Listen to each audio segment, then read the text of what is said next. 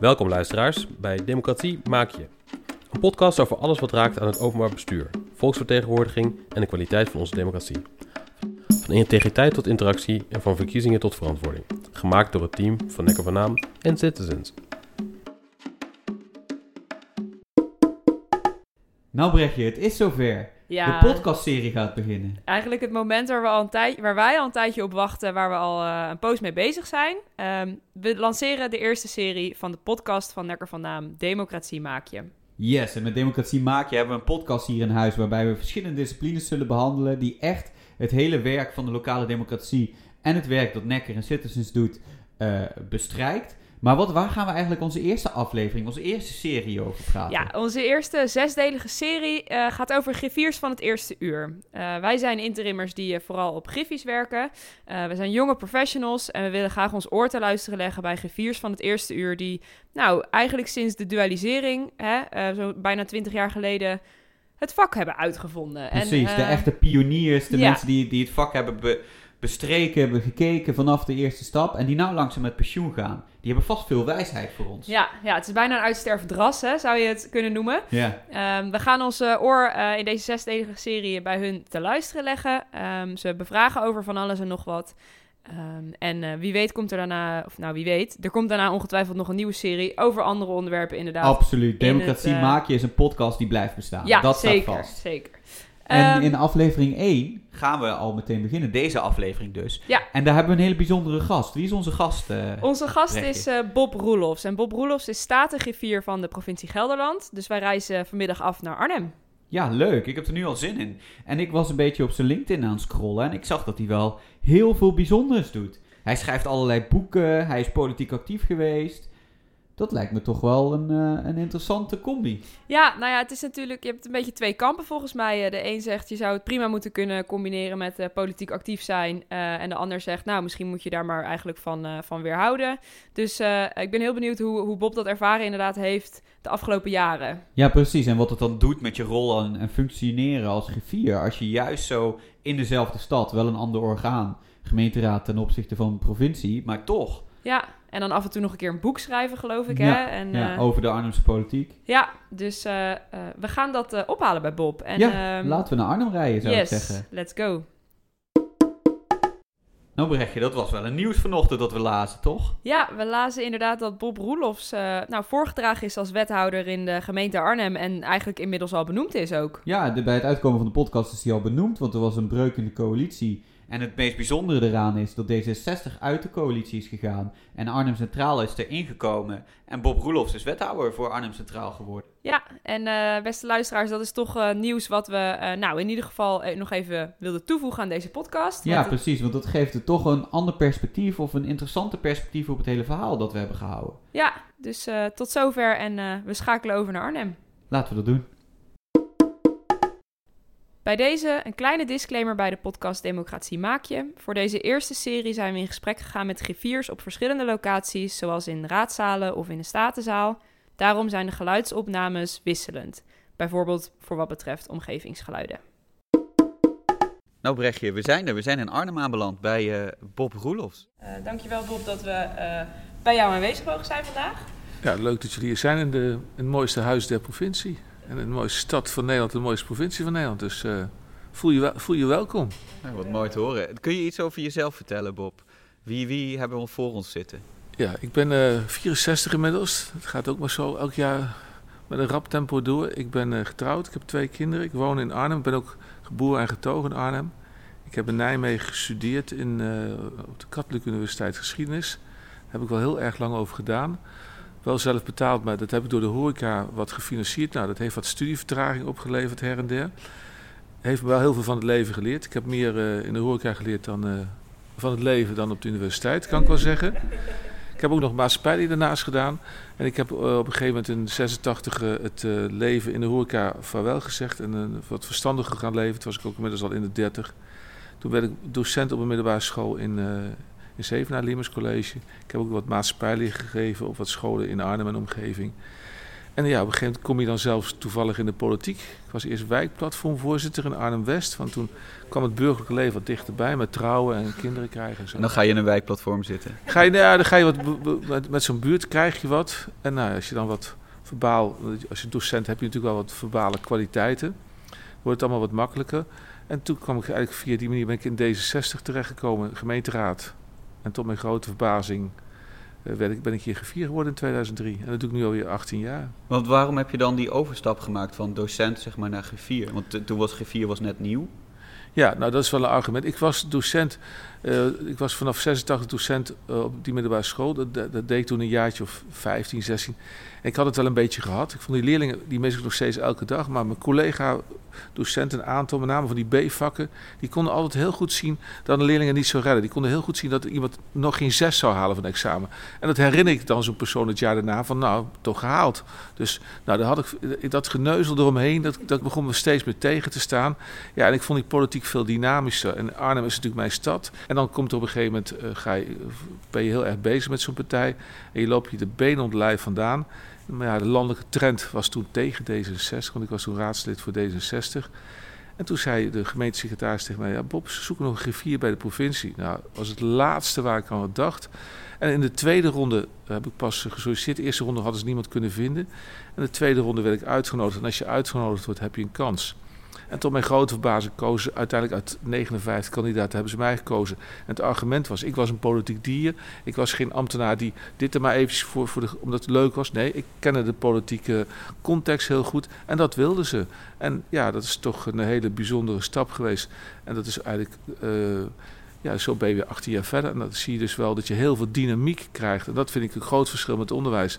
De dynamiek in het onderwijs zit met die kids. Hè, die, die jongeren die, die af en toe een steuntje in de rug kan geven. Of die jou af en toe eventjes neerzetten. Fantastische samenwerking is dat ook mooi. En hier is de dynamiek eigenlijk elke vier jaar weer uh, enorm anders. Soms komt een andere commissaris, uh, nou, andere politieke context. Politieke landschap verschilt. Toen ik begon in 2003 waren hier zes partijen in deze prachtige statenzaal waar we nu zitten. En nu hebben we 15 fracties. Dus er gebeurt wel wat. En je hebt het ook best lang volgehouden, 2003, het is nu 2021. Ja. Ben je gaandeweg van het vak gaan houden? Nou, het is geen kwestie van volhouden. Het is gewoon, ik vind dat je elke dag ervoor, ervoor moet gaan.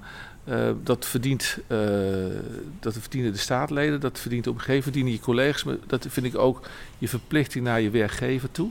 Dat zijn dan in mijn geval de 55 staatleden. Ja, ik, uh, de tijd vliegt, omdat het elke dag echt anders is. Uh, ik had al vanaf dag één het idee van, uh, ik zit hier op een plek. Het is ook goed voor je eigen bescheidenheid. Want ik was natuurlijk als raadslid wel in beeld. Zeg ik wel enigszins onbescheiden, maar als, als griffier moet je toch wat meer naar de achtergrond. Dat heeft me wel goed gedaan. Um, was, was voor jou meteen duidelijk hoe die griffiersrol hier voor de Staten er dan uit moest gaan zien? Want het was natuurlijk nou, gewoon ontzettend nieuw. Ja, nou, ik had in Arnhem geleerd in ieder geval hoe het niet moest. Okay. Dat was misschien ook wel mijn winnende zin bij het, uh, bij het sollicitatiegesprek. Daar was nog steeds, uh, daar werden, werden dat, de experimenteerden wij met wethouders die dan geen voorzitter meer waren van een commissie. Nou, dat was dan alleen weer een zwaktebod als dan een wethouder dat niet meer mocht doen. Nou, ik was ook uh, voorzitter van zo'n commissie, dus ik zag alles van als raadslid en ook als voorzitter met die ambtenaren. Dus, en dat was eigenlijk een soort machtsspel. En de wethouders en de burgemeesters zagen dualisme eigenlijk niet zitten. Dat vond ik zo'n negatieve energie. Het was gewoon een wettelijke, vooral, was gewoon een wettelijke regeling. Punt, weet je wel. Maak daar geen negatieve energie van. Dus um, ik heb dat wel heel goed gezien hoe dit een Arnhem moest. En hier in Gelderland had ik de mazzel dat ik meteen drie hele sterke uh, fractievoorzitters trof. Uh, er waren uh, Harry de Vries van de CDA, Piet Bijl van de PvdA en Jan Marken van de VVD. Die werden in de pers al heel snel de bende van drie genoemd. Want die wilden een soort tegenmacht ook zijn tegenover het college. Dat was wel heel leuk om dat te zien. En dan ben ik natuurlijk af en toe ook lekker op mijn gezicht gegaan. Dat ik moest een keer bellen zie je het, voor... Zie je het, de rol van de Griffie om zo'n tegenmacht te organiseren? Nee, maar je moet wel elkaars rollen heel goed snappen. En die checks en balance moeten echt in zitten. In het verleden zaten natuurlijk de gedeputeerden stemden gewoon over een eigen voorstel. Hoe ondemocratisch kan het zijn? Nou, dan heb je eigenlijk, denk ik, dan ben je eigenlijk maar een postbus, meer bijna niet. Maar ben je als uh, griffier met een eigenstandige orgaan, die uiteindelijk het, laatste, uh, ja, het hoogste orgaan ook is, dan moet je wel voor zorgen dat je ze goed in beeld kan brengen, ook goed ook een positie kan brengen. Nou, dat hebben we gedaan en dat botsen vooral met ambtenaren. Die, vonden het meest, die hadden daar het meeste moeite mee, want die regelden het in het verleden altijd met de gedeputeerden en was klaar. Maar nu was er ook nog een andere keer, die PS was erbij. Ja, dat vond ik dus wel heel leuk. Dus je moet ook heel erg investeren in het ambtelijk apparaat, de contacten daarmee. En we hebben, ik heb vanaf dag één in mijn hoofd gehad, dat heb ik ook wel geleerd van Arnhem. Je moet geen wij-zij-cultuur hebben. Je moet echt proberen elkaar aan te vullen. Wel aan te vallen hier in de Statenzaal. Het debat moet scherp zijn. Maar uiteindelijk moet je toch met het besluit naar buiten doen. Dat neem je met een meerderheid. Dus dan is geen wij-zij-cultuur uh, echt iets wat je moet vermijden. En uh, hoe, hoe, pak je dat dan aan? Hè? Van het begin ga je dan eerst processen inrichten. Of uh, inderdaad zorgen misschien dat alle neuzen dezelfde kant op staan. In deze nieuwe constructie eigenlijk. Ja, dan moet ik ver terug in mijn geheugen. Je zorgt in ieder geval voor dat, je, dat, dat de rolverhouding goed is. Het presidium was bij ons eigenlijk de belangrijkste aanspreekpunt. We hadden toen een uh, commissaris, Jan Kammerga, die heel graag ook wat wilde met het dualisme. Die, zei ook, die ging ook rustig, dat vond ik zo leuk. Er was er een die had een bijdrage. Hoe denkt GS erover? Uh, weet je, dat was dan zo'n hele nette bijdrage in het begin. En dan ging hij naar die, zo in zijn pauze naar zijn raadslid, naar zijn staatslid toe zei... Je moet zelf zeggen hoe je het wil. Dan moeten zij het gaan doen voor je. Niet andersom. Je moet niet in die dienende rol zitten. Jij hebt het voor het zeggen. Dat vond ik altijd zo leuk als je dat dan deed. Dus dat gaf heel veel dynamiek. En de drie, uh, die ik net noemde, die hadden ook voor het eerst al een zelf een staatakkoord gemaakt. Dat was heel belangrijk. Daar heb ik heel erg meteen in het begin een eigen rol in kunnen spelen. Ondersteuning met ambtelijk apparaat, dat ging prima. Maar wel gezegd van, zet nou meteen je eigen accent neer. En dat gaf later veel gedoe. Want die gedeputeerden die dachten van ja, we maken wel een plan van aanpak en schrijven dat wel weg. Nou, dat hebben we goed kunnen tegenhouden. Toen was, was het ook meteen gezet. Toen hebben we er nog een kerntakendiscussie overheen gegooid. Nou, daar stond iedereen op scherp. Prachtig. Ja, Bob, je noemde het net al. Uh, we zitten in een hele mooie zaal. In het uh, Huis der Provincie. Wil je daar wat over vertellen? In het Huis der Provincie, want Nederland heeft twaalf provincies. Hè. Tien hebben er een provinciehuis, één een gouvernementsgebouw. En wij hebben een Huis der Provincie. Dat is even wel goed om dat te weten, omdat dat in 1954, toen het eerste overheidsgebouw gereed kwam na de oorlog, eh, in, het, eh, de zwaarst getroffen provincie van Nederland, Gelderland, en dan ook nog in die zwaar getroffen stad Arnhem, is het huis gebouwd. Eh, en wat, dit is het huis van de ontmoeting. Daarom staat huis ook voorop. In een huis kom je, in een huis ga je, in een huis moet je je welkom voelen. En daarom vind ik het ook zo mooi dat huis der provincie ook inmiddels een begrip is geworden. Het is echt een wederopbouwmonument en dat zie je ook heel erg terug in deze statenzaal. Waar je twee grote blokken ziet waar de statenleden, uh, coalitie en oppositie door elkaar zitten. we hebben hier ook natuurlijk, waar de commissaris die kijkt zo de zaal in. We kijken naar een kleed waar de kaart van Gelderland op uh, is afgebeeld. Maar ja, dus mooi is dat je Arnhem nog groter is dan Nijmegen en uh, Apeldoorn. Nou, dat is, is me niet meer. En je het lijkt net alsof je de A15 al ziet. Kortom, uh, dat is een, ook een cadeautje van de Nederlandse Vereniging van Plattelandsvrouwen. Toen dit huis werd gebouwd, hebben allerlei instellingen, organisaties hebben cadeaus gegeven om op die manier ook te laten zien hoe blij ze waren dat dit huis weer ja, er was. Omdat ermee ook een stuk weer van de wederopbouw was voltooid. Ja. En het is een prachtig gebouw. Uh, nou, het is wel moderne, wat moderne technieken ingericht. We hebben zeven camera's. We kunnen staten live elke dag, of elk moment uitzenden. Een, uh, een uh, moderne statenzaal. Alleen er is natuurlijk altijd, altijd iets wat, wat mislukt is. Dat is ook leuk om met jullie te delen. We hadden een stemsysteem. er staan al kastjes voor. Nou, dat is echt onbetrouwbaar gebleven. Dat gaan we nu echt anders doen. Dat is wel een van mijn mislukkingen die, eh, die ik ook natuurlijk heb meegemaakt in mijn leven. Als, uh, als griffier van de Staten? Ja, want je, je besteedt dat uit en aan een collega. En ja, dan krijg je zo'n uh, enorme handige man die dat allemaal gaat regelen. Ja, die heeft geen idee van de politieke context. Ja, ja, die kon gewoon die kon niet garanderen dat het water dicht was. Ja, dat maakte niet zoveel uit, zei Ik zei, nou, dat maakt alles uit. Nou, dan, dan heb ik op een gegeven moment heb ik de knoop doorgehakt. Ik zei, dit gaat het niet meer worden. Nee. Dus. Um, in dat kader wil ik eigenlijk misschien wel een beetje doorvragen. Uh, jij zegt uh, dat is misschien een beetje een foutje geweest. Uh, er zijn misschien vaker momenten geweest dat je dacht: hmm, dat is niet zo handig of dat hadden we misschien anders aan kunnen of moeten pakken. Um, wij zijn als jonge interimmers die werken op Griffjes natuurlijk ook een beetje op zoek naar. Um, nou ja, fouten gaan we ongetwijfeld maken. maar nou, een beetje tips of hè, letten hier en hier en hier op. Ja. Nou, ik hoop dat je fouten gaat maken. Want dan ben je in ieder geval, uh, onderscheid je je. Dan durf je ook je nek uit te steken. Want anders krijg je alleen maar risicomijdend gedrag. Dat is, daar zijn er al veel te veel van in deze wereld. Mijn eerste fout was echt een grote fout. Dat was ook zo grappig, achteraf. Ik had elke maand, elke twee weken een gesprek met Jan Kammerga, de eerste, commissaris waar ik mee samenwerkte. En zei, toen kwam ik binnen en zei, Bob, ik heb de hele ochtend met jou, uh, ben ik met jou bezig geweest. Ik zei, hoezo dan? Ja, zie, ik heb, uh, ik heb een woedende burgemeester gehad van een aantal, aantal Gelderse gemeentes. Ik zei, oh, Ja, ik moest een afspraak maken voor de drie heren, die toen de drie fractievoorzitters waren van CDA, PvdA en VVD. Die wilden graag praten met een aantal colleges, met name in de Achterhoek. Hij zei, ja, dat, is natuurlijk niet, dat, dat kan natuurlijk niet. Colleges spreken met colleges hier. En als staatsleden met mensen willen spreken, moeten ze met raadsleden spreken. Ik zei, ik heb die opdracht gekregen. Ja, ja zei dat was dus niet handig om dat te doen. Ik zei, nee. Dus ik ben naar die drie heren toe gegaan. Ik zei, dit doe ik nooit meer. Deze. Dus als je dat wil, nog met het college spreken, regel het zelf maar, maar dat ga ik nooit meer doen. Een uitermate duidelijk en pijnlijke les. Maar dan moet je ook eigenlijk, wat, wat, dat kun je eigenlijk alleen maar gewoon meteen toegeven. Dat is altijd het makkelijkste. Uh, ik denk dat ik uh, ook wat dingen heb onderschat. Daar leer je ook heel erg van. In 2011 kwam de PVV hierbij in de staat als nieuwe partij. Ik heb onderschat wat dat, voor een media-effect zou hebben. We krijgen in één keer landelijke pers eroverheen. En die zijn zo brutaal, die journalisten. Die komen echt overal. Die kwamen op plekken van ik dacht, hoe komen ze binnen? Toen heb ik onderschat, denk ik, wat voor impact dat had. Vond ik wel heel Wat doet dat met de en wat doet dat met je werk dan? Dat doet, heel, dat doet heel veel. Je krijgt vragen over uh, wat is openbaar, wat is niet openbaar. Daar, uh, je, krijgt um, de geloofsbrieven, die worden natuurlijk gewoon in het openbaar in een presidium besproken. Maar laat je, hoe ga je daarmee om? Mag, mag iemand die fotograferen, journalist of niet?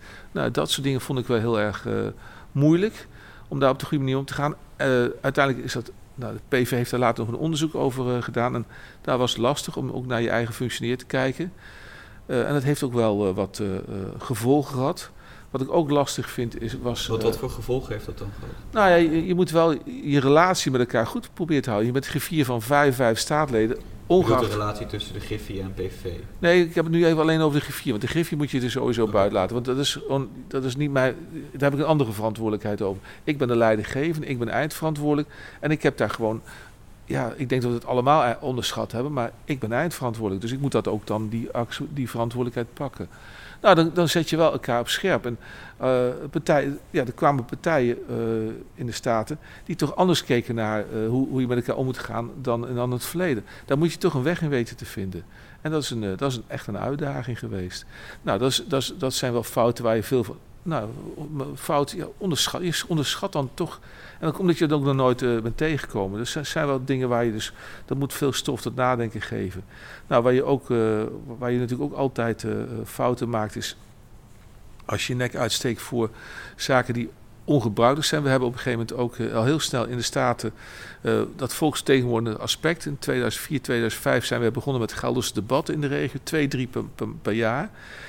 Nou, er was eentje in uh, 2005 of 2006 in, uh, bij Geldermalsen. Daar moest een, uh, een heel groot soort outlet komen. à la Sandro in, in Oberhausen. En dat was eigenlijk op de, bij, de A, bij de A15. En daar was eigenlijk al heel veel draagstof voor, ook in de Staten. Alleen het CDA twijfelde. En die burgemeester was daar van, van de VVD. En het debat, er kwamen in één keer bijna 400 mensen op af. Dat was echt gigantisch veel. En tijdens het debat ging de CDA om. Die zei, die hoorden die winkeliers, die ondernemers van die kleine binnensteden van Geldermalsen, Zalbommen praten. En zeiden, dat is het doodsteek voor ons, zo'n groot bedrijf erbij. Dat kunnen we helemaal niet hebben. En toen is de CDA omgegaan. En toen richtte de, de uh, gevestigde orde van die gemeente zich op mij hoe ik dat had kunnen doen om zo'n debat te organiseren. Nou, dan krijg je in één keer de volle laag. Uh, nou, daar moet je dus ook wel uh, goed mee omgaan. Ik denk dat sowieso ook, uh, dat is altijd een kwestie van vallen en opstaan. Hoe ga je in één keer met de media-aandacht op? En dan moet je altijd, vind ik, als ik een tip mag geven, altijd jezelf naar achter schuiven en nooit daar zelf in de, in de frontlinie gaan staan. Want je bent secretaris, je bent ondersteunen, maar je bent niet eindverantwoordelijk voor bijvoorbeeld politieke uitspraken of voor politiek gedoe. Heb je het zelf veroorzaakt, is het een ander verhaal. Ja. Maar eigenlijk je vingers niet aan branden. nou ja, soms kan het niet anders. Ja. Maar dan, dan moet je je wel... Nou ja, we hebben um, zaken meegemaakt met spookstatenleden. We hebben zaken meegemaakt met... Uh, over uh, uh, fractievergoedingen bij een website werd gemaakt door een familielid. Hoe ga je daarmee om? Ja, dan moet je heel erg voorzichtig zijn hoe je daar je uit. We hebben uh, een rubriek in het leven geroepen. Uh, dat is de Nekker Noodlijn. En in de Nekker Noodlijnen uh, kunnen onze collega's, hè, we doen het onderling, maar ook nou ja, iedereen in Griffieland eigenlijk uh, bellen met dilemma's, met handen in het haar situaties van we lopen hier tegenaan. En wij als jonge rotten leggen dat voor aan. jonge rotten.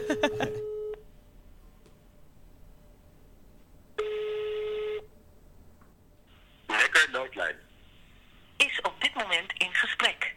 Laat een bericht achter na de toon. Goeiedag met Bas van de Griffie van de gemeente. ik eh, had een vraagje, of ik zit eigenlijk met een vraag. Vanuit het presidium eh, is mijn hulp ingeschakeld als griffier om eh, voor de gehele raad werkbezoeken te organiseren en eh, te faciliteren hoe zij als gehele raad naar buiten kunnen treden. Ehm, ik weet zelf alleen als griffier ook niet precies hoe ik dat moet aangrijpen. Dus eh, zouden jullie mij daarin eh, kunnen helpen? Alvast bedankt. Ja, je moet nooit proberen het dan als een eenmalig project te laten te, zien. Je moet het proberen dan in een wat langere termijn te gaan krijgen. We hebben toen in Gelders debatten neergezet als eh, eh, twee, drie keer per jaar echt een, eh, een onderwerp wat er te- toe deed. Wat ook daarna zeg maar, ehm, tot besluitvorm moest leiden. Daar ga je een lijst mee opstellen. Zo hebben we dat gedaan. Waar natuurlijk altijd gedoe over was. Maar ja, dan- dan vind je ook, als je maar voldoende steun vindt in dat presidium. Daarna hebben we altijd gezorgd dat er eh, veel deskundigheid bij kwam. Die werden ingevlogen tijdens het debat. En de stelling was altijd het moeilijkst. Want ja, de meeste partijen wilden de stelling zo, zo vaag mogelijk houden. Nou, dat is dan eh, een, rol die je moet pakken als uh, griffier. Om te zeggen, ja, maar als we het zo doen, dan hebben we geen debat. Als we het scherper neerzetten, dan lukt dat. En daar heb je wat sleutelfiguren nodig. Dus mijn tip naar jullie is, als je dat soort dingen doet... zorg dat je wat sleutelfiguren gaat krijgen in zo'n uh, in zo'n presidium... die die kar voor jou gaan trekken. Want dat kun je nooit alleen. En ik heb altijd het geluk gehad dat de commissaris... met name meneer Cornelie, die was volkstegenwoordiger... die vond het echt een enorme plus dat Gelderland dat deed. En dat is zo prachtig om dat te doen. En dan moet je ook heel goed realiseren dat je altijd een, uh, een rol moet geven aan de mensen die er echt te doen. De, de, de burgers komen er niet om, om, om mij te ontmoeten, tegendeel. Nee, het gaat om dat ze hun volkstegenwoordigers zien en de bestuurders. En dat was altijd een goede mix. Dus ik zorgde er ook altijd voor dat ze allemaal een goede rol kregen. Een, uh, een, een gespreksleider durfde ik aan om dat samen met uh, iemand te doen van Omroep Gelderland. Dat was heel handig, want zij kon de stad, de, als je die kreeg, kan dat als geen ander. En ik zorgde ervoor dat die staatsleden allemaal in een rol bleven. Want als je niet oplette, dat hadden we goed afgesproken, één woordvoerder per fractie. Maar ik ken natuurlijk al die staatsleden en fractievolgers en zij niet. Dus ik regelde dat. En dat was allemaal goede taakverdeling. Live op Omroep Gelderland. Dus dan moet je het ook wel meteen neerzetten. En nou, sommige debatten hebben echt grote impact gehad. We hebben een groot debat gehad over uh, de Randstad schuift op in 2009. In Dolfinheim. Nou, kijk eens wat het nu speelt. Nou, dat leidde, toen altijd tot uh, nationale aandacht vanuit de media. En toen hadden, hadden, we altijd een avondvoorzitter. En die schoof ik dan naar voren. Dat was altijd de staatlid. Dat deden we op, op, volgorde van grootte. En dat zijn de manieren. Je moet altijd ervoor zorgen dat iedereen aan bod kan komen. Geen verschil maken. En ook dat heel helder de, de rolverdeling maken. Denk je dat het daarvoor um, uh, belangrijk is dat mensen elkaar fysiek in de ogen kunnen kijken? Ja, absoluut. De vraag is natuurlijk altijd antwoord, vraag stellen is het antwoord weten. ja. um, tuurlijk, dat, politiek is zo van uh, lichaamstaal, uh, even in een wandelgang elkaar eventjes opzoeken. Of wat bedoelde je nou? Ik zag je anders kijken. Ja, dat is zo onderdeel van het politieke bestaan. Ja, eigenlijk sowieso van, van de samenleving. politiek bestaat dus vanuit, uh, die, daar zijn de verschillen moet je koesteren, maar je moet die verschillen wel weer proberen te overbruggen. En dat kan heel goed door elkaar, door wat begrip voor elkaar te krijgen. Ik zoek zelf ook altijd de achtergronden van mensen op. Ik snap veel meer van statenleden als ik weet waar ze vandaan komen. Ja, en uh, uh, nou ja, over achtergronden gesproken. Ja, jij als historicus hebt ook boeken geschreven, begreep ik. Best, best veel boeken en je bent ook actief geweest, zoals je al zei, voor, voor een partij hier in de Raad in Arnhem. En je bent ook uh, gespreksleider geweest, je hebt bij een lokale omroep gewerkt, dus je bent een redelijk uitgesproken persoonlijkheid. Hoe uh, combineer je dat toch met zo'n rol in een luwte als griffier? Ja, nou, ik, heb, ik heb dat dus nodig gehad, anders uh, heb, je, heb je dat niet gedaan. Ik heb altijd alles onbezoldigd gedaan, dat is, dat is ook wel prettig. gespreksleider liet ik me wel voor betalen, maar dat is dan gewoon je extra inkomsten. Dat geef je gewoon op aan de belasting. Uh, maar dat deed ik maar een paar keer per jaar. Dus ik maakte er geen. Ik, ging niet, ik wilde er niet een soort fulltime of een uh, parttime gespreksleider van worden. Want dan ga je een kunstje doen. Ik vind het leuk om het te doen. En daarom deed ik het maar een paar keer per jaar. Hooguit vijf tot acht keer of zo. Veel meer is het nooit geweest. ik heb daarnaast wel. Wat, wat ik, ik heb ook geconstateerd dat je buiten de gemeenteraad meer invloed kan hebben dan binnen de gemeenteraad. Dat was ook wel een, hele, was wel een bijzondere constatering. Ik heb in Arnhem een paar keer over wat onderwerpen met druk gemaakt over dat Arnhem en een haven moest hebben. Dat vond ik zo'n belachelijk idee. Dus dan heb ik twee weken voor de verkiezingen heb ik met de latere wethouder uh, een, uh, een, website gemaakt. Arnhem wil geen haven. Hij heeft hem gemaakt. En eh, ik heb dat uitgevent. En dan kwamen voor de verkiezingen, twee weken voor- de verkiezingen, kwamen daar 7000 ondersteuners op. Die heb ik allemaal aangeboden aan alle lijsttrekkers. Nou, dat gaf natuurlijk weer gedoe, et cetera. Dan- Krijg je daar dan geen eh, eh, scheve gezichten voor Zeker, van zeker, zeker. Ik heb, eh, ik heb daar heel veel lastige momenten door gekregen. Eh, mijn integriteit is ter discussie gesteld. Eh, er zijn raadsleden uit Arnhem die naar de commissaris zijn gegaan van... eh, kun je die roelofs niet een beetje in de tang houden?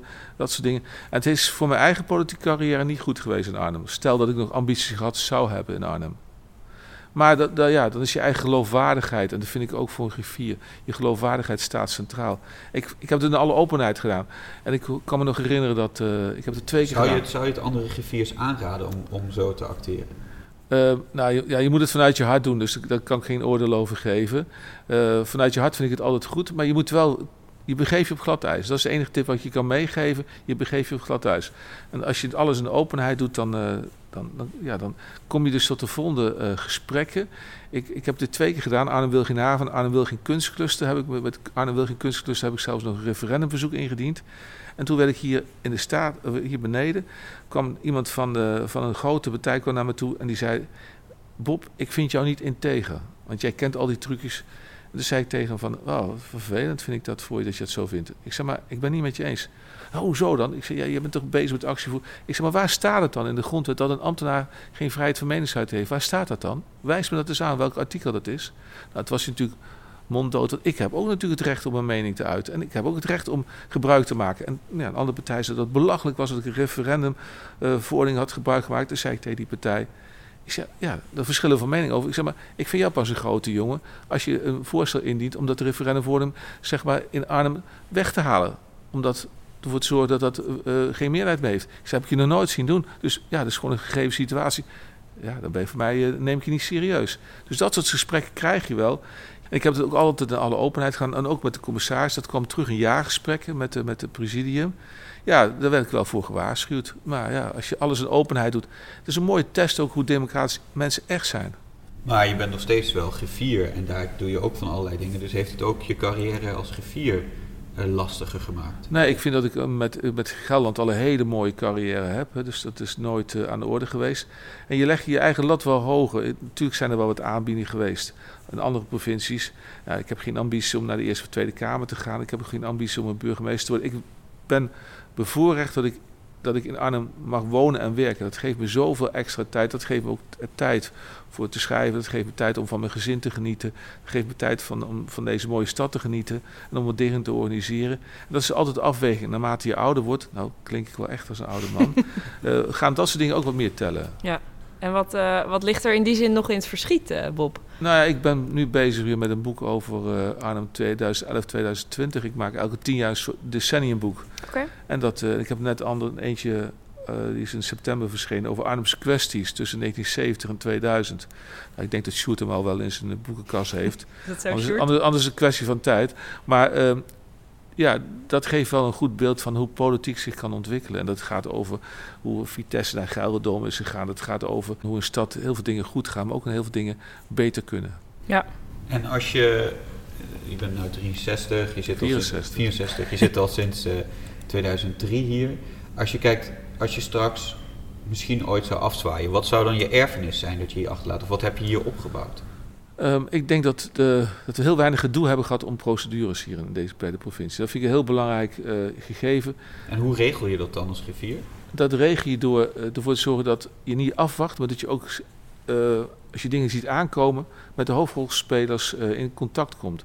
Ik ben ook echt iemand die even belt naar iemand, het altijd persoonlijk contact opzoekt.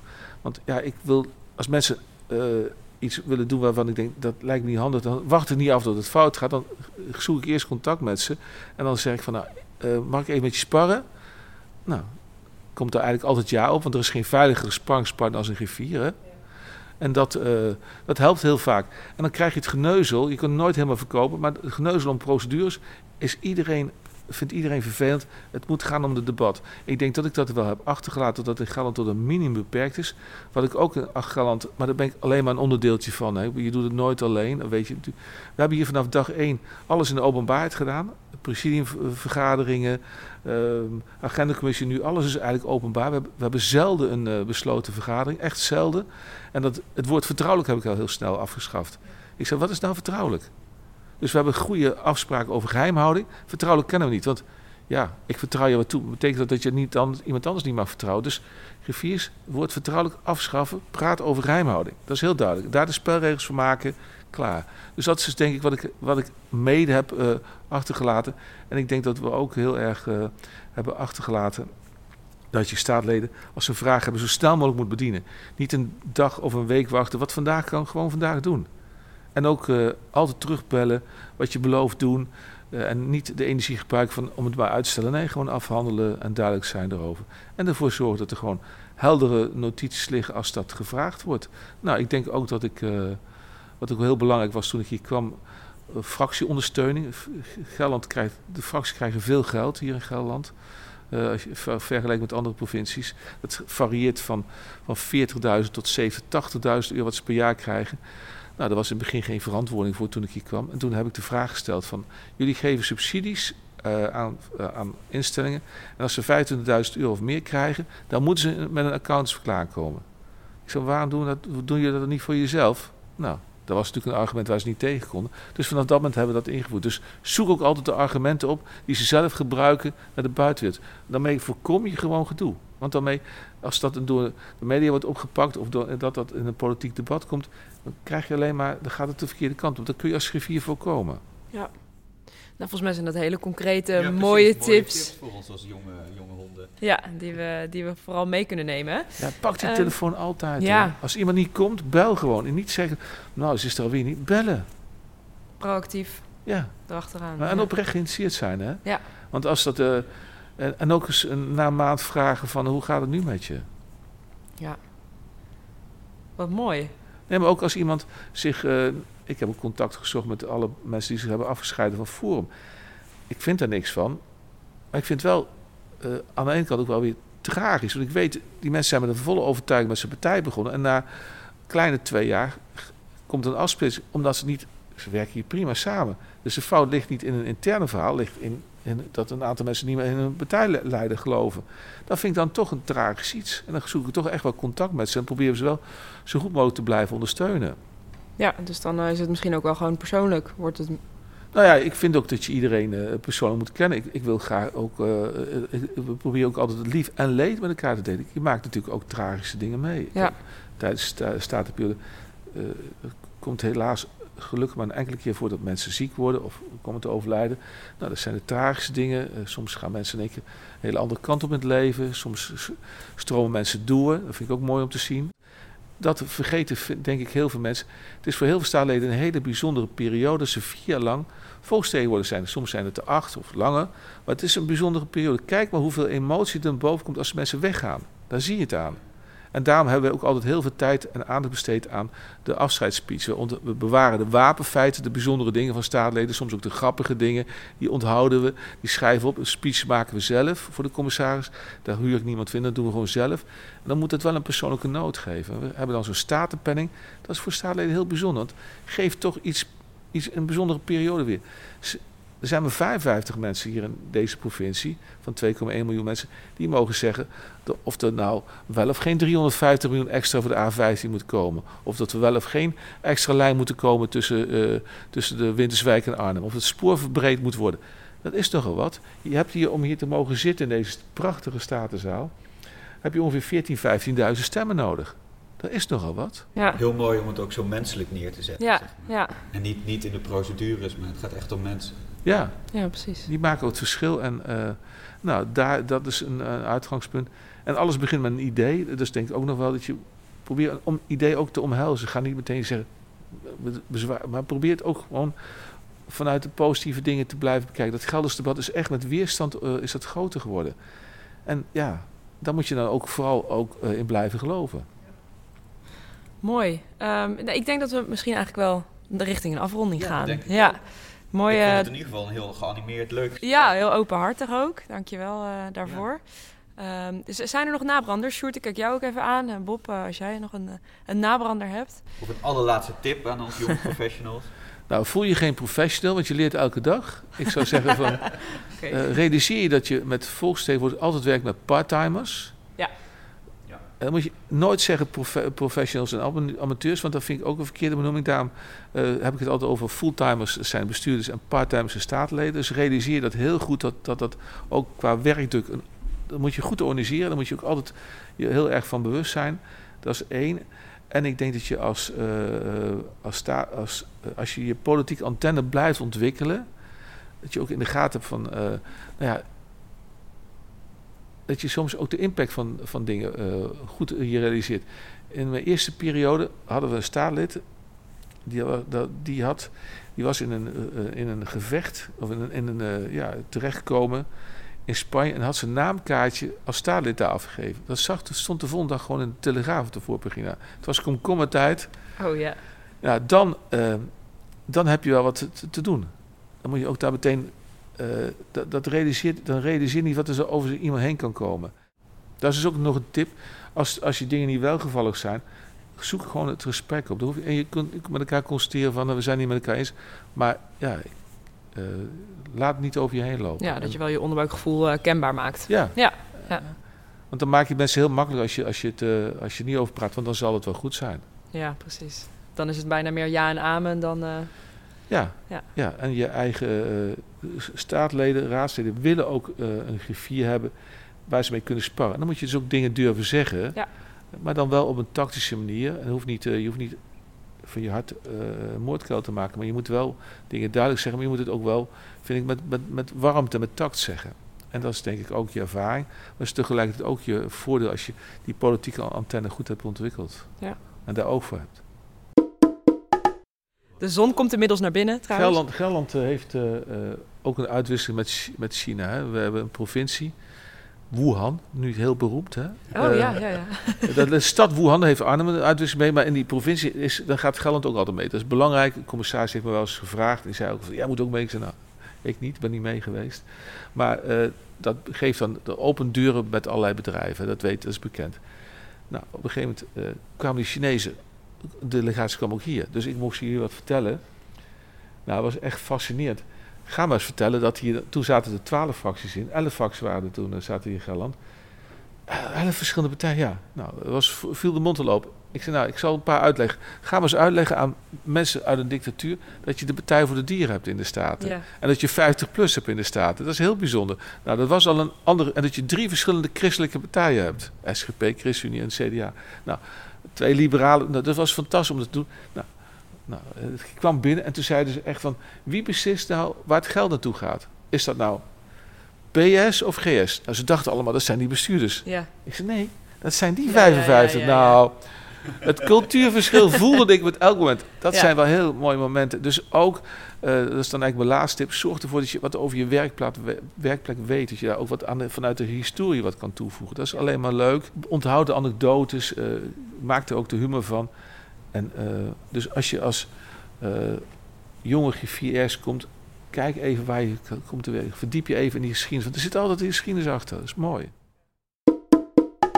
Dankjewel, Bob. We spreken elkaar. Wij gaan... eh, We zullen elkaar vast nog wel tegenkomen. Nou, ik hoop het, want eh, eh, jonge mensen die de democratie omarmen is altijd weer een mooi voorbeeld. Ik ga jullie volgen. We gaan luisteren naar de bijdrage van Bogers. Marcel Bogers is hoogleraar innovatie en regionaal bestuur aan de Universiteit Twente. En ook onderzoeker bij Nekker van Naam. Eh, heel interessant wat we Bob Roelofs hebben horen vertellen. Ik heb eh, lange tijd geleden ook een keer een rondleiding van Bob gehad door de Statenzaal. En hij kan daar prachtig vertellen over de schilderijen en wat die zeggen over, over de tijd waarin het Statenzaal is gebouwd en is ge- gerenoveerd. Ehm, en wat hij zegt is wel belangrijk, namelijk dat je als griffier heel goed weet te verbinden met de plek waar je griffier bent. Met de provincie waar je actief bent als griffier of met de gemeente waar je werkzaam bent als griffier. Dat je ook die historie van die gemeente kent, die historie van je provincie kent. Dat je op die manier ook beter begrijpt waarom politiek werkt zoals die werkt. Want dat is in elke gemeente, in elke provincie is dat weer anders. En je begrijpt het vaak beter als je de geschiedenis van de gemeente of de provincie ook eh, snapt en je daarin verdiept.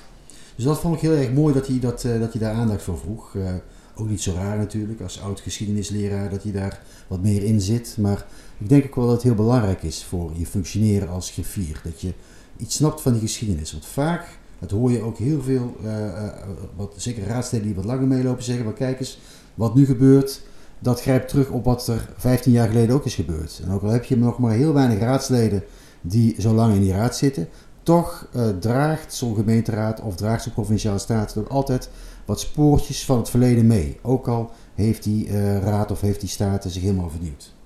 Dus daarom heel goed dat hij aandacht vraagt voor het verleden, voor de geschiedenis. Verder vond ik ook heel erg interessant zijn actieve rol in het aanjagen van het maatschappelijke debat. Waar je als griffier eh, primair natuurlijk verantwoordelijk bent voor het, eh, voor het levendig houden en het ondersteunen van het debat in de gemeenteraad, of in, in zijn geval provinciale staten. Neemt hij zijn rol iets breder op en zegt hij van nou het is ook heel belangrijk dat ik dat maatschappelijk debat voed. Dat is ook de rol die je als griffier hebt. Dat af en toe, zeker rondom belangrijke majeure thema's, dat debat zich niet alleen beperkt tot de staten in zijn geval, maar dat, je er ook, dat er ook een maatschappelijk debat wordt gevoerd. Op die manier ondersteunt hij ook de staten, want daarmee voed je het statendebat ook wat extra als je zorgt voor een maatschappelijk debat. Maar omgekeerd zorgt ook voor wat betere verantwoording van statenleden en mogelijkheden tot verantwoording van statenleden in een maatschappelijk domein.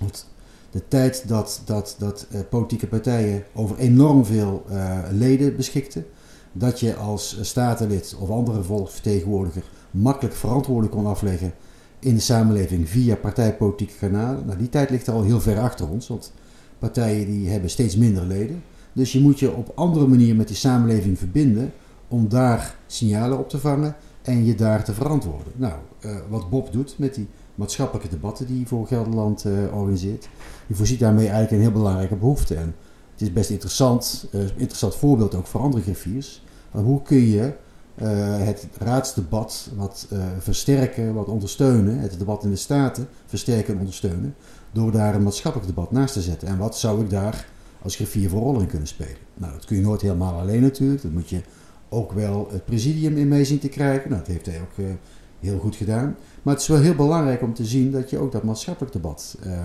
uh, kunt aanjagen en daar als griffier een belangrijke rol in kan spelen. Dus wat dat betreft een heel mooi, heel mooi voorbeeld van een actieve griffier. En ook een heel mooi voorbeeld voor anderen, denk ik, over de manier waarop je als griffier invulling kunt geven aan je, aan je rol en functie.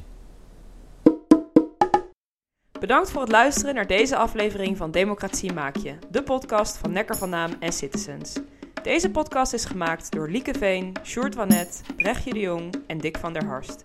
Blijf ons volgen op social media en je favoriete podcastkanalen. Heb je ideeën of suggesties voor nieuwe afleveringen of heb je een vraag voor de Nekker Noodlijn? Mail ons dan op podcast.nekker.nl.